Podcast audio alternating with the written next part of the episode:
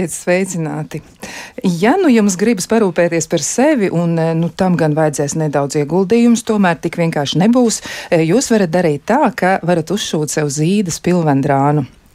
Kāds amerikāņu dermatologs ir atzinis, ka vajag gulēt uz zīdas pilveniem. Tas palīdz saglabāt jaunību, un viņš ir pilnīgi pārliecināts, ka kokpilns šķiedrs atstāja nelabvēlīgu ietekmi uz sejas ādu. Nu, ja tāds ļoti asas pilvens tā varētu būt. Un eh, viņa doma ir tāda, ka zīds tomēr palīdz cilvēkam ilgāk saglabāt jaunību. Nu, tā varētu būt. Nu, tad ko tad eh, tie, kas eh, domā par šādām lietām, nu, tad mums ir jāšķir zīdas pilveni. Bet šodien mēs par to arī runāsim. Negluži par zīdu, negluži par spilveni pilveniem, bet mēs runāsim par to, kā ilgāku laiku saglabāt eh, savu spēju būt veselīgiem, būt kopā ar citiem cilvēkiem, kā saglabāt psihoemocionālo stabilitāti. Citiem vārdiem mēs runāsim par to, kā skaisti un saprātīgi novecot. Un uh, aicinām arī klausītājs iesaistīties, gan dalīties ar pieredzi, gan arī varbūt pastāstīt kādu tādu īsu stāstu, atsūtiet mums, kā jums ar to iet. Uh, ja nu gadījumā kāds ir jau tādus nu, cienījamos gados, un tomēr ir tādi izaicinājumi, ko jūs spējat uh, nu, pieņemt, un arī lieliski tiekat ar slodzi galā, stāstiet, kā jums tas izdodas. Tas noteikti noderēs. Un, protams, par mums pašiem. Studijā Kristiāna Lapiņa, raidījuma producente ir Loreta Bērziņa, bet pie skaņu pulca ir Rita Kārnača. Savukārt par viesiem. Viesi mums ir, nu, es teiktu tā, klausītāju daļa noteikti viņus jau pazīst, bet uh, es ar prieku piesaku Rīgas Stradiņu universitātes profesoru gerontologu Jāni Zaļkalnu. Sveicināt! Labdien! Vēl arī piesaku Rīgas Stradiņu Universitātes veselības psiholoģijas un pedagoģijas katedras asistenti Rīgas Stradiņu Universitātes militārās medicīnas pētījumu un studiju centra pētniece Kristīna Šneidera. Sveicināt! Labrīt! Nu, lūk, man gribētu sākt ar to, ko Kristīna Šneidera ir teikusi. Un, viņa saka, tā, novecot īstenībā ir skaisti. Un kopš es strādāju šajā zinātnes jomā, ļoti priecājos, ka man tāda iespēja būs. Nu, kā tad tāds viedoklis? Nu, liela daļa cilvēku droši vien iebilst. Nu, kā, nu, nē, nu, nu, novecošana, vecums, nu, tur vēl visādas problēmas. Uh, jāsaka, ka es arī sākotnēji tā domāju, līdz uh, nu jau, oi, nu jau pirms gadiem, astoņiem, mani uzaicināja piedalīties pētījumā, uh, tieši apskatīt veselīgu novecošanos. Un es sāku lasīt, un es sāku krist šausmās, līdz brīdim, kad es sāku reāli strādāt ar šiem cilvēkiem, kas ir vecuma posmā 65. Plus. Un es sapratu vienā brīdī, ka patiesībā šo cilvēku dzīve ir daudz aktīvāka, daudz piepildītāka, daudz patiesībā dzīvāka nekā mana dzīve tajā brīdī, 28 gadu vecumā. Un eh, sākot skatīt to dziļāk un pētot to dziļāk, es sapratu, ka jā, patiesībā tas ir kaut kas, eh, ko gaidīt, eh, kaut kas, kā virzienā strādāt un pēc tam izbaudīt. Izbaudīt, tas varētu būt tāds slēgvārds. Nu, profesors Zaļkāns, jūs noteikti arī varat um, vismaz mēģināt eh, tomēr aprakstīt, ko tad nozīmē vecums, jo cilvēkiem ir arī ļoti dažādi priekšstati par vecumu.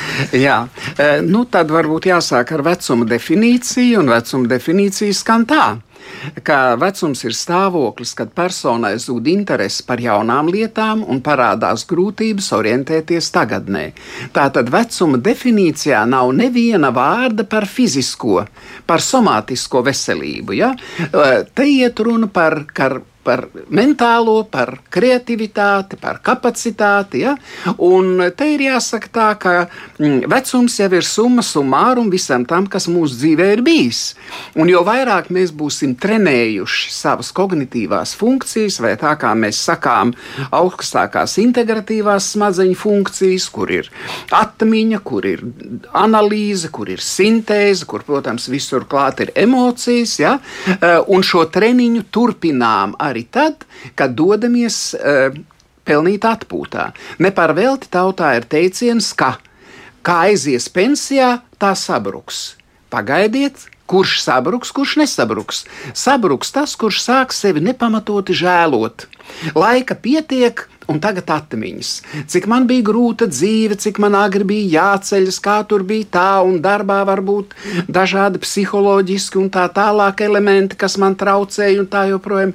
Nesabruks kurš, kurš visu to, visas tās prasmes, iemaņas, visu to instrumentāriju, ko viņš dzīves laikā ir veidojis un attīstījis, turpinās tad, kā es allažu ar mīlestību saku, kad vairs nav globālu uzdevumu, kad ir jārūpējas pašam par savu mazo pasaulīti. Plāno, organizē, dzīvo. Jā, ļoti bieži arī e, ir tā, ka cilvēki raizēs par vecumdienām un par vecumu tieši nu, tajā saistībā, ka viņiem šķiet, ka tā sociālā dzīve varētu aprauties. Un, e, protams, arī mēs arī pieteicām daļu no temata, ja mēs mēģinājām to sasaistīt ar vientulību. Nu, kā tad tur ir vecums un vientulība? Varbūt sāksim ar šo izpētīsim tā sīkāk. Nu, kāpēc tā dažreiz notiek, ka cilvēki, kuri ir, nu, kā toreiz e, kādā citā sarunā profesors Zelkāns teica, man ļoti palicis prātā, viņš saka, nu, nav tādi veci cilvēki, ir vienkārši cilvēki, kas ir ilgāk ilgāk nodzīvojuši šajā pasaulē. Man ļoti patika tas, kā jūs to teicāt. Nu, kā tad ir vientulība? Nu, kas tad tur e, ir par lietu? Jo nu, tas nav vienmēr saistīts ar to, ka tas cilvēks būtu viens pats. Ja tiešām viņš būtu nu, viens, viņam nebūtu neviena ģimenes pārstāve, neviena tāda nu, pazīstama cilvēka, bet tā vientulība tomēr nu, parādās kā tāda problēma. Jā, nu, te ir jāsaka tā, būt juridiski vienam un justies vientuļam ir divas dažādas lietas. Ja? E, Katram cilvēkam ir dota nepieciešamā vientulības deva. Un skrējienā, ko sauc par dzīvi, liela daļa cilvēku e, šo vientulību nu, nav laika izmantot. Ir darbs, ir bērni, mazbērni un tā tālāk. Man uzreiz viens piemērs par vienu pensionētu skolotāju, kura aizgāja uz vecāku īpašumu laukos, un vienā senioru tikšanās viņa man saka, e, profesor, vai tas ir slikti? Kā es zinu, tur kultūras centrā dažādi pasākumi ar lielu izvēli es aizēju, bet man māja ir meža malā, un stirniņas nāk, un zaķīši, un ziedi zied dārzā. Es jūtos kā paradīzē. Un tad es tā viņai atbildēju. Acīm redzot, cienītā kundze, jums ir bijis tik tāds intensīvs mūžs, ka jūs neesat izbaudījis vientulību. Un tagad jums, jūs ar kaifu ar sajūsmu jūs baudāt to, un kad jūs gribat, jūs aiziet ļaudīs. Eh, bet redziet, kas vispār, es domāju, ka cilvēka mūžā tas ir viss sarežģītākais. Eh, eh, ceru, ka psihologi man piekritīs posms, kad cilvēks aiziet no darba tirgus.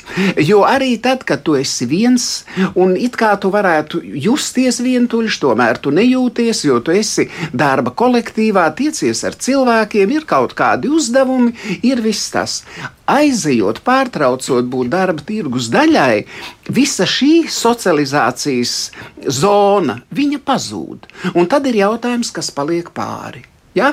Un tad nevis es sēdēšu, pozicionējot sevi kā nelaimes čupiņu, no rīta sākšu gaidīt vakaru, skatoties sienā bet domāšu par to, kāpēc man gaidīt, ka mani uzrunā, kāpēc es pats nevaru iet, interesēties, piedalīties, un tad tu redzēsi, atvērsies otrā elpa. Dzīve nav beigusies. Ja?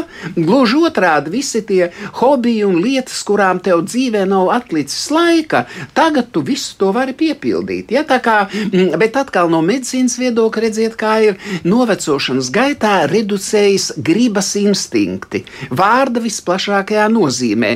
Jebkura griba iet, darīt, saņemties, piezvanīt, piedalīties un tā tālāk. Ja? Un kā tikai cilvēks vēl pirms 65 vai jau 65 plus jūt, ka viņā šī sajūta iezogas, tad ir jāsāk ar sevi strādāt. Ja kamēr es saprotu, ka tā nav labi, man ir jāsāk rīkoties. Citādi būs beigu sākums. Ja, tad, tad šī gribas instinkta rokas nolaižas un, un vispār kas mana dzīve un kāda jēga un kādas šausmīgas vecumdienas. Vecumdienas ir brīnišķīgas. Tas ir indivīda attīstības trešais posms. Tā nav involūcija, tā nav degradācija. Jā, tā ir tāda doma, kas noteikti jāpaturprātā, jo tā tiešām ir. Bet ko saka pētnieki un kas ir arī varbūt noskaidrots, ko ir izdevies uzzināt arī par mūsu pašu iedzīvotājiem, par viņu attieksmi, viņu dzīvi un viņu nu, attiecībām ar vecumu? Um, man ļoti šajā brīdī gribas pieķerties vārdam attieksme, un profesors arī patiesībā to tā ieskicēja, jo uh, mums gribētu, gribētos domāt, ka tā novecošanās sākas ar to 65 vai varbūt 70, kas, starp citu, šobrīd ir strīdīgi, jo ir pētījumi, kas saka, ka patiesībā 70, 65, 75 vēl ir jaunība. Uh, tā kā mēs tā, tā, ļoti, jā, es domāju, ka liela daļa klausītāji noteikti šobrīd ar prieku tā dzird to, ko jūs sakāt. nu, jā, nu, protams, mēs varam domāt, vai tas nav tāds mazliet politisks lēmums par to, lai mūs ilgāk noturētu darba spēkā. Bet jā, caurmērā tā, lēnām arī pētnieki bīda uz augšu šo, te, šo te vecuma robežu. Un, uh, tas, ko es tiešām gribētu iezīmēt, ir tas, ka vecums nesākas uh, tajā brīdī, kad mēs pārējām uz šo nosacītu trešo posmu, bet uh, uh, mēs no, sākam novecot jau salīdzinoši āgri, patiesībā jau 20, 30 gados. Tas, kā mēs novecosim, to nenosaka šis pēdējais posms, to nosaka tas posms, kurā mēs jau patiesībā piedzimstam. Un milzīga nozīme ir mūsu attieksmē pret novecošanos. Un, patiesībā tas, ko rāda pētījumi, ir, jo šī attieksme ir pozitīvāka, respektīvi, jo vairāk mēs varam pieņemt, jā, ka šī ir šī pāreja, šī ir patiesībā izaugsme, jo nu, mēs iekāpjam jaunā pasaulē ar jau citām zināšanām, ar citām pieredzēm, uz kurām mēs varam balstīties, kuras mēs varam attīstīt. Jo labāk ir veselības rādītāji, jo labāk ir kopējās labklājības rādītāji. Nu, patiesībā cilvēks sev vairāk ļauj parāda virza sevi tiešām uz to dzīves baudīšanu, mazāk uz šiem pārdzīvojumiem par to, ka jā, nu, ir šis posms pienācis. Jo nu, mēs nevaram no viņa izvairīties. Nu, viņš atnāks mums gribot vai negribot.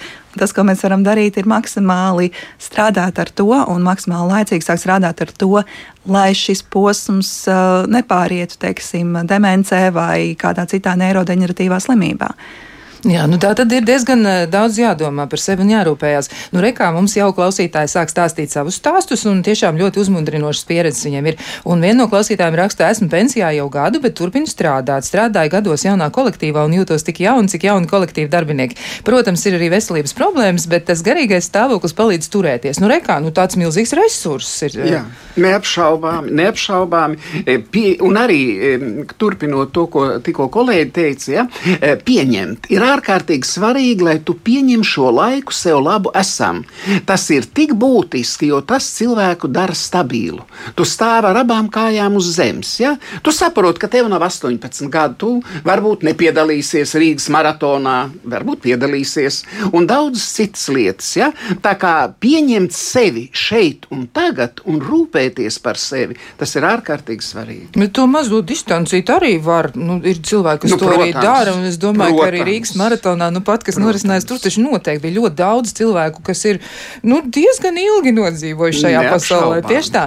Ne, nu, klausītāji jautājumi arī ir tādi ļoti konkrēti. Nu, piemēram, kādi zelta padomi, tādi ieteikumi būtu jāņem vērā 40 gadu vecumā, lai būtu kvalitatīvs vecumdienas. Nu, tad uh, ir iespējas izpausties, nu, tad stāstiet no Kristīnai, kā ir, nu, no savas pozīcijas skatoties, jā, jo jūs esat arī, nu, chronoloģiski sanāk, ka jūs tur īsti senioru vecumam nekā nevarat atbilst, ja un savukārt profesors, nu, viņš vienmēr izskatās izcili, viņš izskatās jauns. Un, nu, man ir tāds, Vai, jā. paldies, ka par mani tā saka, tad es mūžīgi nākšu uz rādio. Nāciet, noteikti, mēs esam prieks sagaidīsim. Bet, nu, tad atgriežoties pie šiem zelta padomiem, nu, kas ir tas, kas būtu jāņem vērā? Uh, jā, uh, tā tad jau kā, kā Kristīna minēja par to, ka novecošana būtībā sākas uzreiz pēc dzimšanas. Ļoti lēni, klusi, mierīgi, šūnu membrānu līmenī un, un tā. Eh, un tā tad, kas ir svarīgi, ja mēs arī atceramies šo novecošanas definīciju, kas vairāk skar mūsu gara pasauli, mūsu mentālo veselību, mūsu kognitīvo funkciju, treniņš.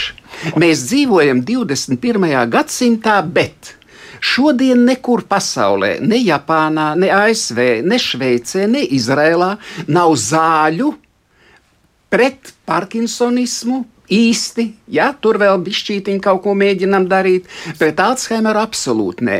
Kas paliek pāri? Kognitīvais treniņš trenēt sevi. Ja? Un trenēt visdažādākos veidos.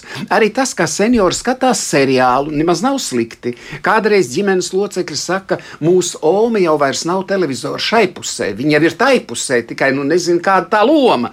Bet viņa aktīvi piedalās, tur ir attiecības, notikumi un tā tālāk. Pēc tam sazvanās ar draugu. Tā tad šeit ir visas augstākās integratīvās smadzeņu funkcijas nodarbinātas. Ja? Jo te ir fakti, te ir attiecības, te ir sintēze, te ir analīze, te ir emocijas. Ja? Tas ir ārkārtīgi svarīgi. Vai arī es saku tādu vienkāršu paņēmienu. Es neesmu pret eh, krustvārdu mīklu minēšanu, kas tāda it kā populāra un atrauta no visa, bet vēl labāk ir dienas grāmata. Šovakar par šodienu, vai rīt no rīta par vakardienu. Tā tad tu biji kaut ko iecerējis. Kaut kas notika, kaut kas nenotika, kā notika, kur bija, kas tevi apmierināja. Tā tad iet runa par to, ka kognitīvo pilnvērtību cilvēks var uzturēt tikai un vienīgi ar kognitīvās funkcijas treniņu. Tā tad tie dzējoļi ir jāturpina mācīties. Un eh, tas taču ir labi, ja Ome kļūst par detektīvu, vai viņi ir viesnīcas turētāji, skatoties seriālu, vai viņi izpēta kaut kādas mīlas peripētīs, jo tur ir vienā Jā. vai otrā pusē. Tas ļoti, ļoti iesaist cilvēku un tiešām liek daudz domāt. Jā, nu bet kas vēl? Uh, jā, es labprāt papildinātu profesoru, jo šī tiešām ir tā, uh, tā mana joma. Un uh, man gribas šeit ieskicēt divus tādus lielos pīlārus, kas pirmkārt ir uh, kognitīvās rezerves, par kurām profesors jau ir ieskicējis, bet kuras es arī labprāt papildinātu. Un otrs aspekts, protams, ir fiziskā aktivitāte. Un uh, fiziskai aktivitātei ļoti būtiski ir uzsvērt to, ka mēs šeit nerunājam par to, ka cilvēks katru rītu piecos pieceļas un iet izskriet savu maratonu vai, vai tam līdzīgi. Mēs šeit runājam par to, ka ja cilvēks iegādājis suni. Iziet katru dienu stundu pastaigā, um, pats kājām aiziet uz veikalu, atnāk atpakaļ. Un, protams, saprotot, ka ir dažādi šie funkcionāli ierobežojumi, tomēr jebkura kustība patiesībā ir ļoti, ļoti palīdzoša. Un tas, ko mēs reizēm ignorējam, ir tas, ka mēs taču mājās ko darām Mēs mazgājam grīdas, mums kādam ir dārziņš, mēs ravējam, mēs darbojamies, mēs varbūt esam tādi meistarīgi un līmējam tapetes. Var sakot, patiesībā mūsu ikdiena, ja mēs pavērojam, ja mēs saskaitām tās kustību minūtes, mēs nemaz neesam tik pasīvi.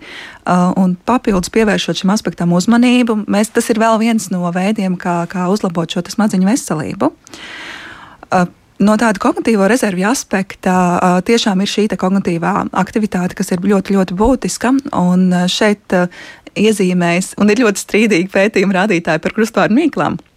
Labi, un... pastāstiet, mēs gribam zināt. uh, ir tādi, kas saka, jā, ir tādi, kas saka, nē, bet patiesībā tie, kas saka, jā, saka to, ka ir. Uh, jāspecializējas. Un tādas vispārīgās krustvārdu mīklas, viņas vairāk strādā ar to, ko sauc par kristālisko intelektu, jeb to, kas tiešām ir tāda mūsu zināšanu bāzes papildināšana.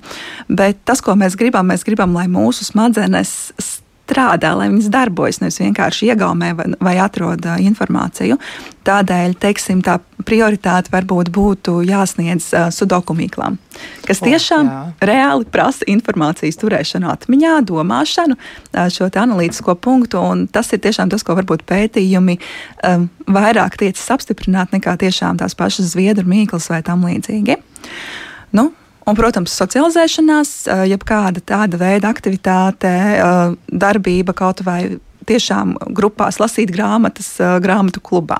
Tieši šī te, tēl, šis te komunikācijas aspekts, socializēšanās aspekts, kas arī, protams, katram, indivi, katram ir ļoti, ļoti individuāls un kādam pietiek ar reizi nedēļā, kādam vajag biežāk šo socializēšanos. Bet, nu jā, tā, ja tā ļoti jāapkopo, mēs to, jo agrāk mēs to sākam, jo laimīgāk mēs esam. Uh, obligāti nevajag pārspīlēt, jo kas par daudz, tas par skādi, un to tiešām arī rāda pētījumi, ka zināmā mērā smadzenes it kā, nu, es tā ļoti vulgarizēju, bet pārdeg. Uh, līdz ar to lasām, komunicējam, meklējam sev vietu, kur tiešām iesaistīties, esam kognitīvi aktīvi, mācāmies, strādājam, um, izglītojam sevi, nu, un tā tad arī katru dienu atrodam laiku pastaigai.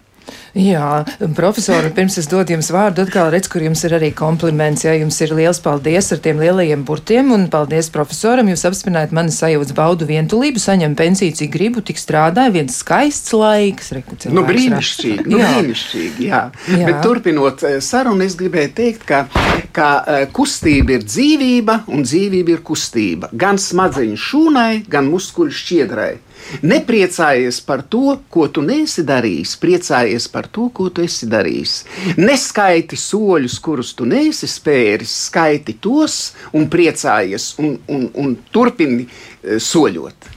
Jā, par soļošanu arī e, vēl viens klausītājs e, raksta tā, ka viņš sāka vingrot katru rītu ar agudaru. Es nemaz nezinu, kas tas īsti ir. Man tad jāpadomā, tā jāpēt, jāpafunkcionē. Bet e, tā, tā, tā droši vien ir kaut kāda tāda specifiska tehnika. Es pieņemu, ka tas varētu būt kaut kas arī ļoti palīdzošs. Viņš raksta 66 gadu vecumā ir sācis un jau pēc pusgada sajūtos fiziski labā formā. Un šie vingrojumi ir domāti veselības uzlabošanai dažādās jomās. Viņš tā kā ļoti iesaka. Ja? Nu, noteikti fiziskā aktivitāte varētu būt tāda, nu, laikam, viena arī no pamatlietām. Ne? Neapšaubām. Jā. Jā, nu, lūk, vēl arī klausītāji saka tā, ka, um, nu, tad, um, lai turētos pie veselības vecumdienās, jaunībā ir jādzīvo veselīgi, normāli jāguļ, ja daudz jākustās, miegam ir liela nozīme, tad būs labs garstāvoklis un stipra nervu sistēma. Mēs maz guļam naktī, un tas ir, nu, tā kā galvenais iemesls. Tā varētu būt droši vien arī par miegu runājot. Jā, jā, jā, bet vēl ārkārtīgi svarīgi ir pozitīvi domāt. Ja? Kur arī, ja, ja cilvēks jūt, ja viņš spēj sevi kontrolēt, vienalga vai viņam ir 20 gadi vai 40, ka viņš vairāk uz negācijām, ka viņš sevi plosa par lietām, kuras viņš nevar ietekmēt un kuras varbūt pat viņu neietekmē, ja? pozitīvi domāt par cilvēkiem, par attiecībām, dzīvē mēģināt saskatīt to labo. Ja? Tas ir milzīgs tāds emocionāls lādiņš priekš paša cilvēka, kas arī palīdzēs būt stabilam, harmoniskam, kā es mēdzu teikt, stabili stāvēt ar abām kājām uz grēcīgās zemes. Vai dieni? Jā. Jā, nu, viens no klausītājiem arī nu, mēģina apveicāties par prognozēm, viņš rakstā, nu, kāds tad varētu būt tas vidējais vecums, ja kam tagad ir zem 40 vai 80 gadi, pēc 40 40 gadiem būs garantēti. Nu, kāds varētu būt, kas ietekmē varbūt to vispār, to populācijas, eh, nu, nu tiešām to, to dzīvildzi arī kopumā, jo nu, man jau liekas, tas, ko jūs abi divi stāstījāt par to, ka ļoti liela atbildība ir katram cilvēkam pašam, nu, tas ir pilnīgi skaidrs. Bet vai ir vēl kaut kādi faktori, kas to nosaka vai ietekmē? Uh, viennozīmīgi, un šeit es, man ir mazliet dalīts tāda virziena, par ko varbūt vairāk runāt. Uh, viens aspekts noteikti, kas pētniecībā šobrīd ir skaļš un svarīgs, tā ir ilgmūžība. Uh, proti, nu, mēs mēģinām atrast veidu, kā dzīvot te mūžīgi, vai vismaz pārsniegt šo simts gadu vecumu. Un, uh, tur tas ir, tas ir salīdzinoši sarežģīts un grūti izmērāms koncepts, tīri metodoloģiski. Tātad, tīri no zinātniskā aspekta, mēs nevaram pateikt tādus drošus pierādījumus. Uh, Protams, šie tas populārākais pieņēmums, profesors noteikti man palabos vai, vai parās, es nezinu, ir tātad šie kaloriju ierobežojumi, tātad, ka mēs ēdam mazāk nekā varbūt ierasts, bet arī tur tā pierādījumu bāze ir tāda, nu, šaubīga, jo, kā jau minēju, mēs to nevaram pārbaudīt eksperimentāli. Mēs to varam skatīt tikai ilgtermiņā, un, un protams, pētniecība ir gan nesen sākusies. Jā, nu tad tur būtu jāpārņem stafeti, ja, ja tāds longitudināls, tāds ļoti, ļoti garš pētījums, tur jau būtu jābūt veselai pētnieku komandai, kas mantoja to, to zinātnē. Tā arī, tā arī notiek, un man šķiet, ka viens no populārākajiem pētījumiem ir tā sauktais mūķeņu pētījums, kas norit tieši ASV kas tika sākts, baidos samaloties, bet 90. gadu sākumā, kur pētnieki atlasīja tieši mūķeņu, 70 gadus vecu vai 75 gadus vecas mūķenes un vēro, kā viņām iet tātad šajā ilgtermiņa griezumā. Un, un pēc tā viņi balstoties uz šo, viņi, protams, izdara dažādus secinājumus, tādus, kas varbūt sākotnēji pat ir likušies ļoti neparasti, piemēram, smaganu veselība, bet komanda mainās komanda mainās, jo, protams, nu jau ir 30 gadi pagājuši. Jā, tas ir ļoti, ļoti svarīgi to visu izpētīt. Nu, tiešām, jā, klausītāji neatlaižas, viņi prasa, ja kam tad pievērst uzmanību vēl vēlīnā jaunībā, ja, un ko tad ieteiktu pateikt, darīt, saprast 30 gados, lai būtu jauks vecumdienas. Nu, varbūt ir arī tāda ideja par to, kas ir tā biežākā, nu, nu tā varētu nebūt kļūda, bet, nu, nu ko cilvēki izdara, nu, aplami, nu, ka, nu, tā, nu, nevajadzētu tiešām. Es domāju, ka, nu, tām aplamībām grūti ir būt soģim, jo tas, kas vienam liekas aplami, tas citam, citam ir ok. Jā. Jā, bet, bet katrā ziņā tas, ko mēs jau šodienas sarunā runājām, fiziskās aktivitātes, mentālās aktivitātes, lasīt, domāt, jā, attīstīt savu radošumu. Starp citu, man tāds piemērs, pirms vairākiem gadiem viena mana bijusī studente, eh, sociālā darba eh, specialiste, eh, satikāmies vienā sanāksmē, viņa uzreiz tā man profesori, es tur strādāju ar senioru klubiņu, un nu, iesakiet kaut ko. Un tas jautājums man bija tāds ļoti negaidīts, un es arī tikpat negaidīti atbildēju. Es teicu, nu, uzliekat senioriem uzrakstīt dzējoli. Es jūtu, viņi jau uz mani tā jocīgi skatās, dzējoli. Tagad viss ir rakstījis dzēju. Bet Pēc kādiem pāris mēnešiem skan viņas zvans. Viņa teica, paldies jums milzīgs! Jūs ziniet, es savā senioru klubiņā šo uzdevumu devu. Kas notika, jo mēs tiekamies, viņi saka, reizi mēnesī. Mēneša laikā telefoni bija līdz baltkvēlēji. Viens otram zvana. Vai tu jau uzrakstīji, vai tu neuzrakstīji? Kā jāraksta, kā tautas dziesma ar atskaņām, vai kā imants ziedonis pa diagonāli bez pieturas zīmēm? Kā jāraksta? Un mīļie! Ar ko tas beidzās? Pašu balsojumā uzvar Cilvēks, kurš knapi ir savulaik beidzis sešas klases, ir bijis tā laika kolhoza traktorists, un balsojumā viņa dzējols uzvar. Tātad šis parāda tikai vienu, ka mūsu radošumam nav robežu. Mēs vienkārši varam nodzīvot, pat nezinot, kāds resurss no dieva mums ir iedots. Ja? Tāpēc arī tā radošā pieeja visā, kaut vai zupu vārot, kaut vai putekļus slaukot ar jaunu tehnoloģiju vai grīdu, ja? meklēt jaunus ceļus, būt ieinteresētam, un kad tu atradīsi, vai, vai var arī tā, tas tevi uzlādēs, tas tevi iepriecinās, tas tevi atvērs uh, tālākām šādām radošām dažāda veida izpausmēm. Nu jā, nu jā, var jau būt tas garais mūžs arī mums ir dots, lai mēs sevi izpētītu. Nu, ģenētiķi jau saka 99 plus mīnus 2 gadi, jā, apmēram tā, tas ir tāds viņu skaitlis, es kaut kur atradu arī vienā pētījumā. Es ļoti gribu ticēt, nu simts, tas taču izklausās labi. Jā, par tiem ģenētiķiem ir interesanti. Es ar dažas lietiņas gribu tad šai sakarā pateikt, ja. Ģenētiķi kā zinātnieki arī ir fantastiski, ja. Zinātnē bez fantastikas arī nevar. Nekur, ja? nekur, jā. Un tā tad pirmkārt ģenētika ārkārtīgi ārkārtīgi strauji attīstās. Un nav teikts, kā viņi saka, ka pēc gadiem 11. E, ja cilvēks varētu uzzīmēt savu dzimtas koku piecās paudzēs, norādot mūža garumu šiem pirmās pakāpes radiniekiem, varētu izteikt zināmu prognozi par to, cik ilgi viņš dzīvos. Nu, un tad ir dažādi piedāvājumi. Kā varētu, nu, tā ir nākotnes medicīna, varbūt, ja, vai, vai, vai, vai biotehnoloģijas, ja, kā ietekmēt šos gēnus, eh, ieprogrammēt šo ilgmūžību. Bet uh, tur ir arī tāds variants, teiksim, topošie vecāki iedzertu tableti vai kokteili, un tad viņu bērniņam pēc tam būtu garš mūžs. Es vienmēr šai sakarā atceros Raimonda Paula dziesmu par māriņu un mūžiņu, kad iedeva gan, bet kā ar to laimīti, un, un arī no visiem viedokļiem, vai dievam tas patiks, ka mēs iejauksimies viņa likumos, vai mums ir tiesības lemt kaut vai sava bērna, bet viņš nav mūsu īpašums, likteni. Ja? Tā kā te daudz, daudz aspekti. Bet to, ka civilizētā pasaule nekad nebūs tik jauna kā šodien, Tas ir pilnīgi skaidrs. Un, ja runājam par zinātni, tad divas lietas. Mm, e, pirmkārt, atcerēsimies, ka e, tas, ko mēs šodien jau sarunā runājam, veselīga dzīvesveida, veselīga dzīves stila tradīcijas, tomēr mūsu dienās par laimi ienāk cilvēku dzīvē dažādās vecuma grupās, straujā tempā. Tā ir ziņa par mums. Par zinātni. Atcerēsimies, ka otrajā vietā attīstības tempu ziņā aiz informācijas tehnoloģijām nāk medicīniskās un farmaceitiskās. Līdz ar to arī šeit jau izskanēja, ja, ka, uh, tas, ka cilvēkam ir kaite, vai kā raksturīgi vecāka gadagājuma cilvēkam daudzskaitlīgi kaites, kas ļoti izteikti parāda organismu vienotības principu. Tas nenozīmē, ka viņš nevar nodzīvot ilgu, pilnvērtīgu dzīvi. Ja? Un šī iespēja gan no medicīnas, gan no farmācijas viedokļa, viņa milzu soļiem iet, līdz ar to eh, vēlreiz uzsveram, ka tik jauni kā šodien mēs nebūsim nekad.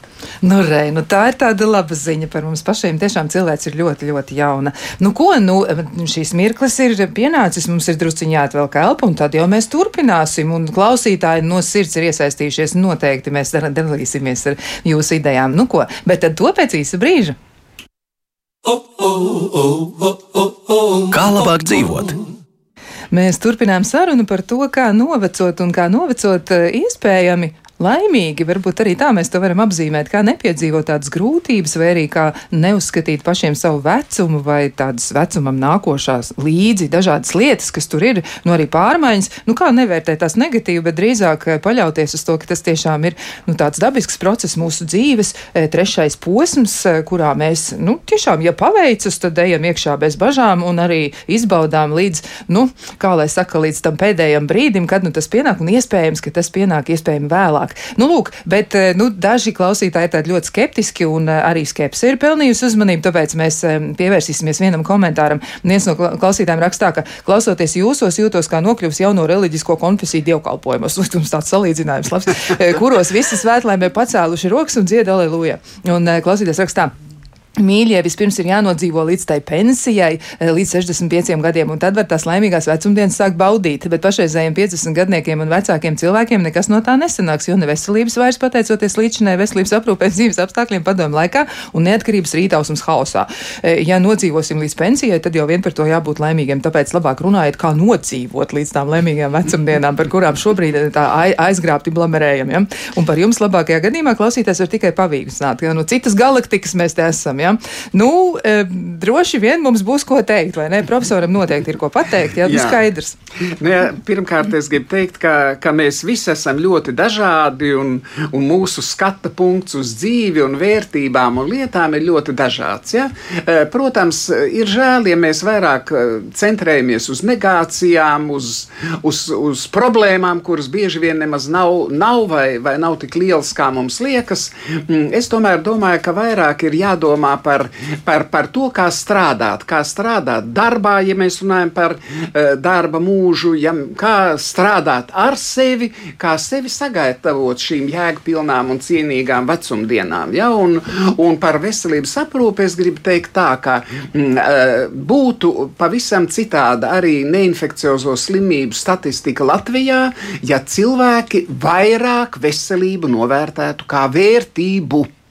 Tas, starp citu, ir ļoti jauns pasākums Latvijā - veselība kā vērtība. Protams, visos laikos ir bijuši cilvēki, kuri ir sapratuši, ka tas ir pamatu pamats un kas man pašam ir jādara. Nevis jāiet un pēc tabletēm un uz aptieku, bet kas man pašam jādara. Bet mani tomēr ļoti iepriecina, ka veselības kā vērtības apziņa šodien ļoti, ļoti plaši izplatās. Jā, tas ir ļoti nozīmīgi tā paša iesaistīšanās un arī tāda laicīga aptveršana un ka jārūpējas. Mums ir arī klausītājs zvans, tūlīt mēs pievērsīsimies arī tam. Mēs klausāmies, lūdzu. Labdien! Jā, mēs jūs dzirdam. Nu, man jau arī liekas, ka tā novecošana ir tāda dieva sodība, bet, nu, diemžēl, no viņas izbēgt nevar. Bet ir jau arī tur savs pozitīvais. Mm, es domāju, ka nu, tas skeptiķis saka, ka nu, veselība esot sabojāta un tā bet par veselību jau ir jārūpējas arī visu mūžu. Nu, nu, un, un es domāju, ka tuvojās jau tie gadi. Nu, nevajag sēdēt, dzīvot pagātnē, kad zālība bija zaļāka. Ir jādzīvo šodien. Un, un, un tas, tas periods jau ir tāds, ka beidzot tev ir laiks pašam sev, jo bērni ir izauguši. Un ir jāsāk rūpēties pašam par sevi, gan par savu izskatu, gan par savu apģērbu. Ir jātrenē atmiņa, ir ļoti daudz, ko var lasīt. Uh, Nevajag katru sīkumu pierakstīt, vajag mēģināt tomēr visu atcerēties. Mēs, teiksim, nekad dzīvē neko nepierakstām. Man vajadzīgās lietas ir galvā, nevajadzīgās lietas es nepaturu galvā. Un tā šausmīgā negācija, nu, paklausieties brīvo mikrofonu, man liekas, ka tur vienkārši viņš ir jānosauc par dienas darbu devu. Jo viss tikai zvana un par kaut ko sūdzās. Nu, bet tad atrodiet sev sirdī tuvu hobiju. Nu, mēs, teiksim, ar vīru pandēmijas laikā nodibinājām uh, apvienība nenokar degunu, sākām taisīt savam priekam lēles. Nevis skaistās, bet interesantās. Vīrs sāk taisīt mēbeles dzīvoklim, mums ir ideja vairāk nekā, nekā iespēja. Jā, un nav laika čīkstēt un vaidēt, un katram sīkumam dzert tabletīti, ir svaigs gaiss, ir, ir, nu, nu, ir tik daudz iespēju, ka nu, vienkārši mēs esam pieraduši visu laiku ņērkstēt un čīkstēt, un tā ir mūsu problēma. Jā, paldies jums liels par eh, jūsu pausto viedokli. Mēs noteikti to arī varam atbalstīt, jā, jo tiešām tā tas arī ir, ka nu, tie cilvēki, kuri nenokar degunu, kuri drosās, kuri dara, kuri iet uz priekšu, jā, un kuri arī mēģina to savu dzīvi tā padarīt aizvien interesantāku un riskē varbūt arī ar tādu stereotipu laušanu, jā, nu tur, nezinu, 80 gadu vecumā grib pilotu licenci, nu gribu un gribu, ne, un, un beigās man viņa būs, nu, jā. kas tur tāds, vai ne? Jā, nu, re, kur vēl kāds klausītājs zvans, uzklausīsim arī šo. E, Mēs klausāmies, lūdzu, ja jums ir kas sakāms, nu tad ir īstais brīdis. Labdien! Jā, lūdzu! Labrīt. Es gribu tikai novēlējumu. Es gribu visus apsveikt ar šodienu, jo šī ir jūsu atlikušās dzīves pirmā diena. Paldies! Paldies! Nu, tas gan ir ļoti, ļoti, ļoti jauks nojausmas. Tiešām ļoti, ļoti jauks, jā. E, bet, e, nu, runājot arī par e, to, kā tad vajadzētu izturēties pret sevi, nu arī klausītāji raksta, jā, kurš tad jaunībā domā par vecumdienām, ballītes, negulēts naktis, jā, un, un, un tad viņi raksta arī, ka pozitīva domāšana un vēlreiz pozitīva domāšana, nu, tieši kā profesors saka, bez gaušanās, bez vaimanāšanas, paļauties uz saviem spēkiem un mācīties, apgūt kaut ko jaunu, jā, nu, tiešām klausītāji arī ļoti, ļoti atbalsta šo te, mm, nu, un vēl e, arī ļoti labs piemērs. Mans tētis, kā raksta viena klausītāja, 90 gadu vecumā apguva sintēzatoru spēli, jo akordeonu spēlēt bija grūti, un līdz 97 gadu vecumam turpināja meklēt programmas un pielāgot tās izpildījumam. Nu, rekā, nu, nu, tas arī ir brīnišķīgs stāsts, tiešām. E, jā, bet. Um, Nu, arī klausītājiem ir jautājums par to, um, nu tad, um, kā lai pieņem, ka fiziskais ķermenis noveco. Prātu var trenēt, bet ķermenis noveco. Un tas sasaucas ar vēl vienu komentāru, kurš mums ir eh, šeit arī iepriekš. Viena no klausītājiem raksta, ka ļoti daudzi saista vecumu ar ķermeņu un sejas novecošanos ar grumbām, bet tas ir bēdīgi, jo jauna seja un tvirts ķermenis mums ir tikai nu, līdz kādiem gadiem 30 drusciņi pāri un kopumā vispār kādus 30 gadus mēs varam tā ar sevi lepoties. Ja? Un šis eh, fiziski skaitās jaunības kultūra kults. Daudziem tas eh, liek baidīties no novecošanās un veikt dažādas muļķīgas procedūras, plastiskās operācijas. Nu, es pat dažos gadījumos teiktu, ka tas ir ļoti, ļoti riskanti un ar diemžēl tādiem nelāgiem rezultātiem. Tad kā varētu pretoties varbūt tam jaunības kultam? Nu, ko tad saka tāds relatīvi jauns cilvēks tomēr? Uh, jā, šis ir tāds uh, jautājums, patiesībā, par ko es arī pati esmu diezgan daudz domājusi. Jo, nu, kā jau minēju, uh, sākot pētniecību, 28 gadu vecumā man bija, man sākās tiešām tāda panika. Nu, viss, es, es tagad tūlīt novecošos, un viss būs slikti, un smadzenes mazākas kļūs un tā tālāk. Bet es domāju, realitātē mēs šeit iekāpjam zināmā mērā eģismā. Un tāds fantastisks piemērs ir uh, filma Zirnekļa cilvēks, kurai šobrīd ir trīs dažādi izdevumi, kur pašā pirmajā filmā 52 gadus vecā sieviete bija tāda, nu, uh, kundzīte ar lakatiņu, kas knapi iet uz priekšu un, un tādām diezgan izteiktām jau varbūt novecošanās pazīmēm, tad jau um, gadus desmit vēlāk šī kundze jau ir tāda, nu, tiešām tā, nu, jau tāda pievilcīgāka un vairāk atbilstoša vecumam. Nu, šobrīd viņa ir tiešām, mēs redzam, ka tā patiesībā 52 gadi ir jauna sieviete. Uh, līdz ar to man šķiet, tiešām, ka mums būtu jāstrādā visos trīs līmeņos, ēģismu eh, līmeņos, tātad gan domājot par sevi, un tas ir tas, ko profesors ļoti daudz ir minējis, tātad šī pozitīvā domāšana, šī attieksme, eh, gan starp, savstarpējo attiecību līmenī, tātad tiešām runāt par to, ka nu, nav tie 50 gadi, nu, nav tie pat tie 60 gadi, un pat tie 70 gadi ir tas laiks, kad mūsu fiziskais ķermenis varbūt vairs nav tik spēcīgs, bet viņš tomēr joprojām mums ir un mūsu psihi joprojām ir spējīga sadarboties. Nu, gan, protams, arī institucionālā līmenī, kur tiešām nu, būtu varbūt jāpievērš varbūt aktīvāku uzmanību tiešām iespējām, kādas mēs varam piedāvāt cilvēkiem jau pēc pensijas vecumā. Un dažādas iespējas ir, bet par tām nerunā. Eh, līdz ar to es varbūt tiešām aicinātu gan mūs pašus domāt par šo, pievērst uzmanību, mainīt savu attieksmi, arī domājot par fizisko novecošanos, eh, gan, protams, arī domāt par to, kā mēs šo komunicējam, gan eh, viens otram, gan arī sabiedrībā, jo es vēlreiz atgādināšu, demence nav normāls novecošanās sastāvdaļa. Jā, tieši tā. Un, e, nu, arī klausītāji raksta, cilvēkam jau desmit gadus ir Alzheimer slimība, dzer zāles, galvē kauliem, ja, un, un tuvi 90 visi radi ir ļoti nomocījušies, ir pārmocījušies līdz ārprātam, kā klausītāji raksta. Un vai tas ir normāli, vai galvenais mērķis ir, lai, ilgāk, lai tikai ilgāk dzīvotu, jo viņi raksta, ka tās ir šausmas. Mērķis jau nav tikai ilgāk dzīvot, mērķis ir kvalitatīvi sagaidīt. Jā, protams, protams, protams. Jā, e, nu vēl arī tāds diezgan pagaršs komentārs, bet es labprāt arī iepazīstinātu visus pārējos dalījies ar to. Tiešām tāds interesants idejas. Un klausītāji raksta, ka viņi vēlas dalīties ar dažām atziņām, kas ir zināmas par vecumu. Par vecu cilvēks kļūst tad, kad pats ar sevi vairs nenodarbojas. Jā, un eh, gan jau mēs arī, nu, viņi saka par, par droši vien par mums te studijā. Nu, kā cilvēks pēc viņa gara vecuma bieži vien iedala jaunajos, nenobriedušajos, nobriedušajos, nobriedušajos un vecajos. Un vienlaikus bieži tiek atkārtot atziņa, ka cilvēks ir tik jauns vai vecs, cik viņš jūtas jauns vai vecs. Un man tāda sajūta reizēm, neskatoties to, ko es daru savā dzīvē, man kaut kāds 16 gadi bija.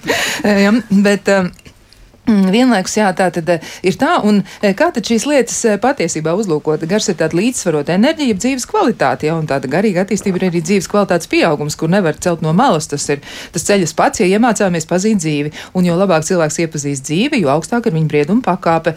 Un tad, Nu tā, arī mazliet turpinot, ja, tad, ja jums ir slikti domājot par visu, kā jums nav, arī tad jūs esat jauns, bet ja jums ir slikti par visu, kas jums ir vai nav, tad jūs jau esat vecs gados vai dvēselē, ja, nu droši vien tas ir par attieksmi.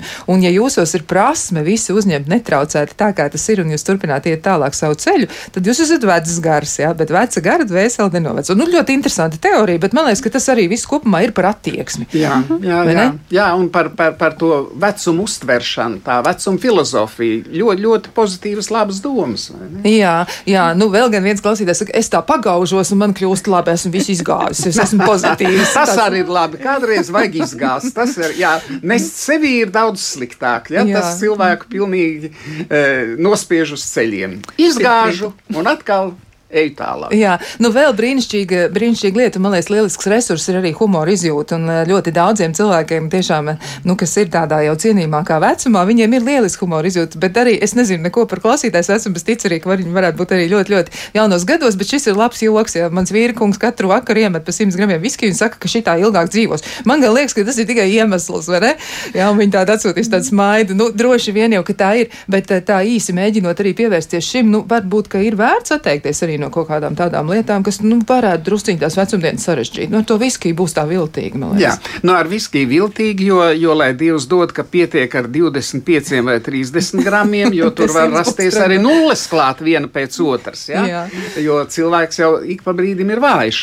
Bet, protams, alkohols ļoti, ļoti nelielās devās, tāpēc arī kardiologi par šo sarkanā vīna glāzi vakarā ja?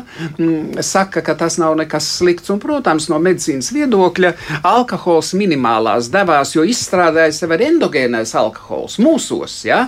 Tā jau nav tikai baudviela no ārpuses, ja viņu mēs vispār pieskaitām pie baudvielām, nevis pie indēm. Ja? Uh, viņš veicina mazās devās, viņš veicina mikrocirkulāciju. Ja? Viņš atver kapilārus no matu galiņiem līdz papēžiem. Ja? Bet, bet te vienmēr ir tas slidenais jautājums, vai cilvēks spēj tajā teiksim, skaisto rituālu, kaut kādu vakaru cēlienu ar, ar minimālu uh, kvalitatīvu alkohola devu, vai viņš spēj to noturēt, vai viņš neaiziet pa pieskari. Jā, nu tur tā tiešām ļoti jādomā ar prātu. Nu, vēl arī runājot gan par to eģismu, jā, klausītājs saka, ka noteikti šī saruna ir jāturpina, jā, un ka noteikti vajadzētu par to runāt, jā, jo darbos arī, nu, tā kā darba tirgu, jā, tas arī varētu būt problemātiski. Grib redzēt jaunus cilvēkus ar zirga veselību, jā, jau darba dzīves gados tā kā iepotēts, ka pēc 50 gadiem tu esi mazvērtīgāks. Nu, tā nav laba lieta, un tiešām pret to būtu ļoti, ļoti jāvēršas. E, bet e, atkal no otras puses mums ir viens komentārs, kas liek domāt, ka cilvēki tomēr nu, spēja sevi uztvert kā ļoti, ļoti jaunas un ir gatavi arī uz tādām, nu, tādām riskantām ēvērģelībām. Es teiktu tā, ja jau viena no klausītājiem raksta, man ir 50 gadi, gribu veikt krūšu pacelšanas uzlabošanas procedūru. Man ģimene saka, es esmu traka, bet man liekas, ka gribu un negribu vēl mājās galā tā ritināties. Ja? Nu, tas ir par apņēmību, par skatienu uz sevi. Nu, kāpēc gan nē? Uh, viennozīmīgi, viennozīmīgi. Un tas absolūti vēl nav vecums, kad uh, atmest šādas pārdomas. Es, te, es teiktu, ja anesteziologs un ķirurgs ļauj, Nu, tad uz priekšu. uz priekšu. Jā, bet svarīgi laikam ir tomēr tas, ka tas nav citu dēļ, ja tas ir mm. tāpēc, jā, lai es justos laimīgi, jā. lai man ir. Un ja cilvēkam jebkurš, gan, gan šī, šī operācija vai jebkura lieta, ja tev viņa šķiet tik bezgala nozīmīga un tu to gribi realizēt, nu īsteno. Īsteno. Tad arī pēc tam, ja, ja būs vai nebūs tā, tā, tā īsti, kā tu biji domājis, plānojis, bet nu, Tā bija tava vēlēšanās, ja neviens tevi nav ietekmējis. Jā, jā nu, rekā, nu, vēl arī klausītāji atzīmē to, ka nu, arī jaunieši jau patiesībā nu, izdeg pārstrādājoties un strādājot garas stundas, ja ir tādi ļoti sarežģīti ekonomiskie apstākļi. Tā tiešām ir. Bet, nu, kā tad neizdeg, kā nezaudēt to dzīves prieku, un tad, nu, lai būtu labs resurs tai dzīves nodzīvošanai, un arī vecumdienas būtu tiešām kvalitatīvas, interesantas, un cilvēks justos spēcīgs un pašpietiekams. Ah, par to jaunību man ļoti, ļoti grūti atbildēt. Jo kā neizdegt jaunībā, kad mēs uh, studējam, nereti Ticam, un, visu, un ja? strādājam, un, dom, un vēl pa starpu paballējam, un reizēm sanāk tās trīs stundas diennaktī arī gulēt. Um, Es, es teiktu, ka šeit, šajā punktā, nu, nav tādas zelta atbildes, jo, protams, būtu ļoti labi, ja mēs varētu teikt, nu, ka, nē, ja tu studē, tad tu skaties tikai uz studijām, vai, vai ja tu strādā, tad strādā tikai vienā darbā, bet nu, mēs apzinām realitāti. Uh, es varbūt vēlētu tiešām, un tieši tāpat kā cilvēks, kurš arī reizēm strādā tās 12, 14 stundas diennaktī, nu, atcerēties par to, ka uh, eksistē, jā, jāatrod ir šo brīvo laiku, ir jāatrod šīs stundas arī miegam.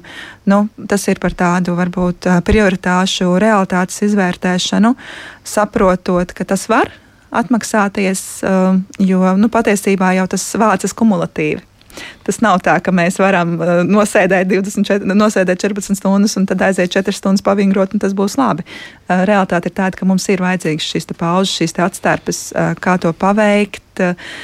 Nu, uz šo es atbildēt nevaru. Jā, nu ko, nu tuvojoties sarunas noslēgumam, vēl tāds jautājums, ko uzdeva viens klausītājs, ko ievēro un dara paši intervijas dalībnieki, lai labi justos vecumdienās. Nu, ko tad dara profesors Zaļkāns? Jūs izskatāties brīnišķīgi. Jā, jūs, es man vienmēr jā. ir milzīgs prieks. Nekādā jūs... gadījumā nepieņemtu, ka es esmu vecs. Nē, jūs arī neesat. Jā, jā. jā. Nē, nu to es, tad, tad, tad ir gandrīz, kā saka, tad izģērbsimies, pastāstīsim. Ja? Pirmkārt, ne es to, es pats to jūtu, bet man viss līdz cilvēks saka, ka patiešām es esmu pozitīvi domājošs cilvēks. Es skatos uz cilvēkiem, uz lietām ļoti pozitīvi. Un es strādāju ar sevi jau nu, vismaz no 30 gadu vecuma, ekranizēju. Es uzbūvēju Ķīnas mūri no sliktiem cilvēkiem un no sliktām lietām. Un es sev saku tā, es kā gleznas rāmī ielieku sev svarīgās lietas, svarīgos cilvēkus un dzīvoju pozitīvas domāšanas un labu darbu ietvarā. Vai kā savā laikā teica slavenais Michelangelo, viņam jautā, kā top jūsu brīnišķīgie tēli, un viņš atbild: Es atskaldu visu lieko. Un tas, kas paliek, tas ir tas, ko man vajag un kas man patīk. Ai, cik skaisti! Nu, tad Kristīnai jānoslēdz. Uh, jā, tad es, es atkal kā pētnieks no tā sava aspekta vairāk. Uh, es esmu absolūti ticu kognitīvo rezervu spēkam. Līdz ar to, protams, viena no, tā, no tām lietām, kas man palīdzēs cerams novecot, ir uh, gan mana darba aktivitāte, tātad pētnieciskā aktivitāte, zinātniskais darbs, gan, uh, gan, protams, izglītošanās aspekts un tas, ka tā mācīšanās nebeidzas nekad. Uh, Bet droši vien tas, tas pozitīvais un varbūt mazāk sausais ir tas, ka šobrīd man ir izdevies atrast uh, to pusstundu, stundu dienā, kad vienkārši iziet.